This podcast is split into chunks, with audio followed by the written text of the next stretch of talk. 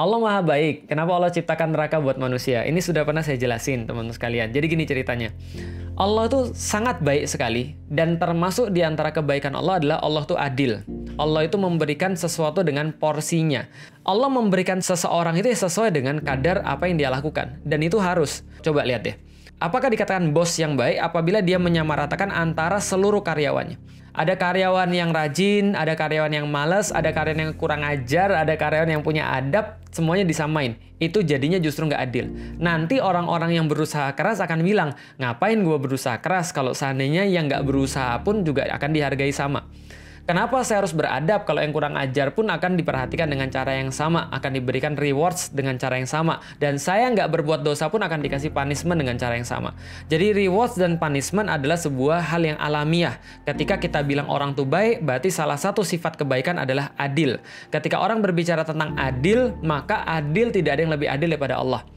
Contoh, kalau teman-teman yang ngalamin, kemarin pembantaian yang di New Zealand, masih ingat? Ada 49 orang kalau saya nggak salah meninggal di masjid itu ditembakin secara sadis. Bahkan kepalanya ditembakin sampai otaknya keluar. Ngeri banget. Ngeri banget. Pertanyaan saya adalah 49 orang itu meninggal di masjid. Ini orang ketangkap nih. Ini orang ketangkap. Dia diadili. Apa hukuman yang paling berat menurut teman-teman sekalian? Menurut teman-teman sekalian, apa hukuman yang paling berat yang bisa dilakukan di dunia pada orang-orang yang berbuat jahat?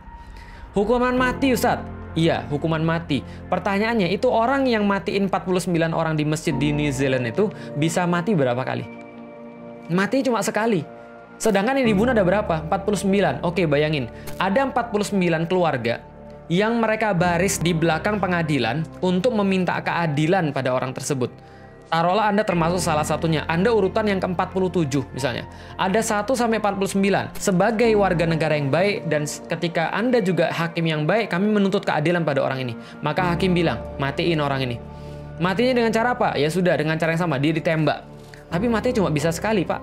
Mati nggak bisa 49 kali. Oke, dia sudah mati, orang pertama mundur, sudah mendapatkan keadilannya, sudah mendapatkan kebaikannya tapi ada 48 lagi yang ngantri dan Anda di belakang itu kemudian ngantri nomor 47 atau ya 47 Anda ngantri. Pertanyaannya, apa keadilan yang bisa di-apply dalam kondisi seperti itu?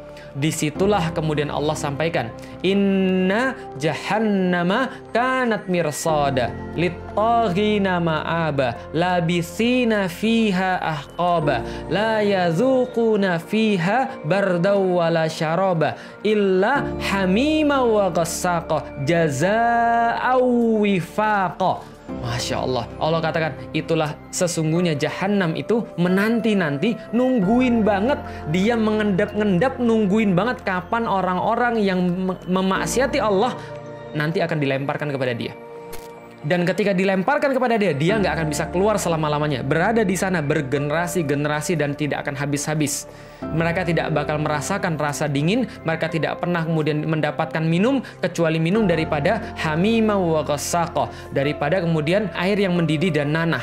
Dan kemudian jaza wifaqo dan itu adalah balasan yang sangat pantas bagi mereka. Kenapa? Ada orang-orang yang nggak bisa mendapatkan keadilannya di dunia dan Allah akan menghantarkan keadilan itu di akhirat itu senantiasa adalah sebuah rewards dan punishment. Itu adalah cara melihat yang pertama. Cara melihat yang kedua, teman-teman sekalian. Suatu waktu Rasulullah Shallallahu Alaihi Wasallam berkata, setiap daripada umatku, kullu ummati yadkhulunal jannah. Mereka semua masuk surga. Semua umatku ini semua masuk surga. Lalu kemudian Rasulullah lanjutkan, illa man aba. Kecuali yang nggak mau. Loh, emang ada yang nggak mau? Sahabat nanya, ya Rasulullah ada yang nggak mau masuk surga? Ada yang nggak mau ya? Rasul katakan ada, ada yang nggak mau. Siapa mereka? Mereka yang memaksiati saya, yang kemudian tidak ikut dengan cara saya, maka mereka nggak mau masuk, nggak mau masuk surga. Nah, makanya Allah itu ketika sudah menciptakan manusia, Allah kasih tahu ini tempat kalian kampungnya di surga. Kalian nanti akan balik sini lagi, maka berbuatlah yang baik. Jadilah khalifatul fil art, jadilah kemudian manajer di muka bumi, perbaiki hubungan di antara manusia, jangan merusak bumi, sayangi manusia. Ini saya kasih aturan, terapin ya. Nanti kalau kamu terapin, kamu nanti akan balik kepada saya dalam kondisi saya ridoin dan ini sudah menanti kampung halamanmu di surganya Allah.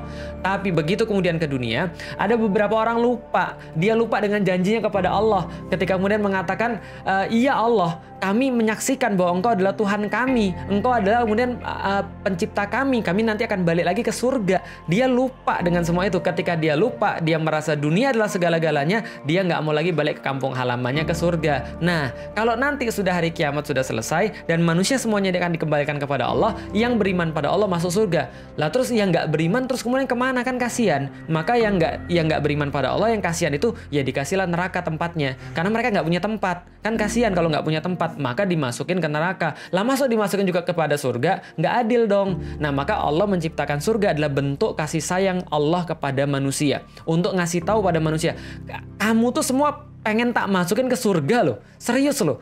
Kalian itu mudah banget untuk masuk ke surga. Mudah banget. Rasul udah bilang, setiap umatku masuk surga.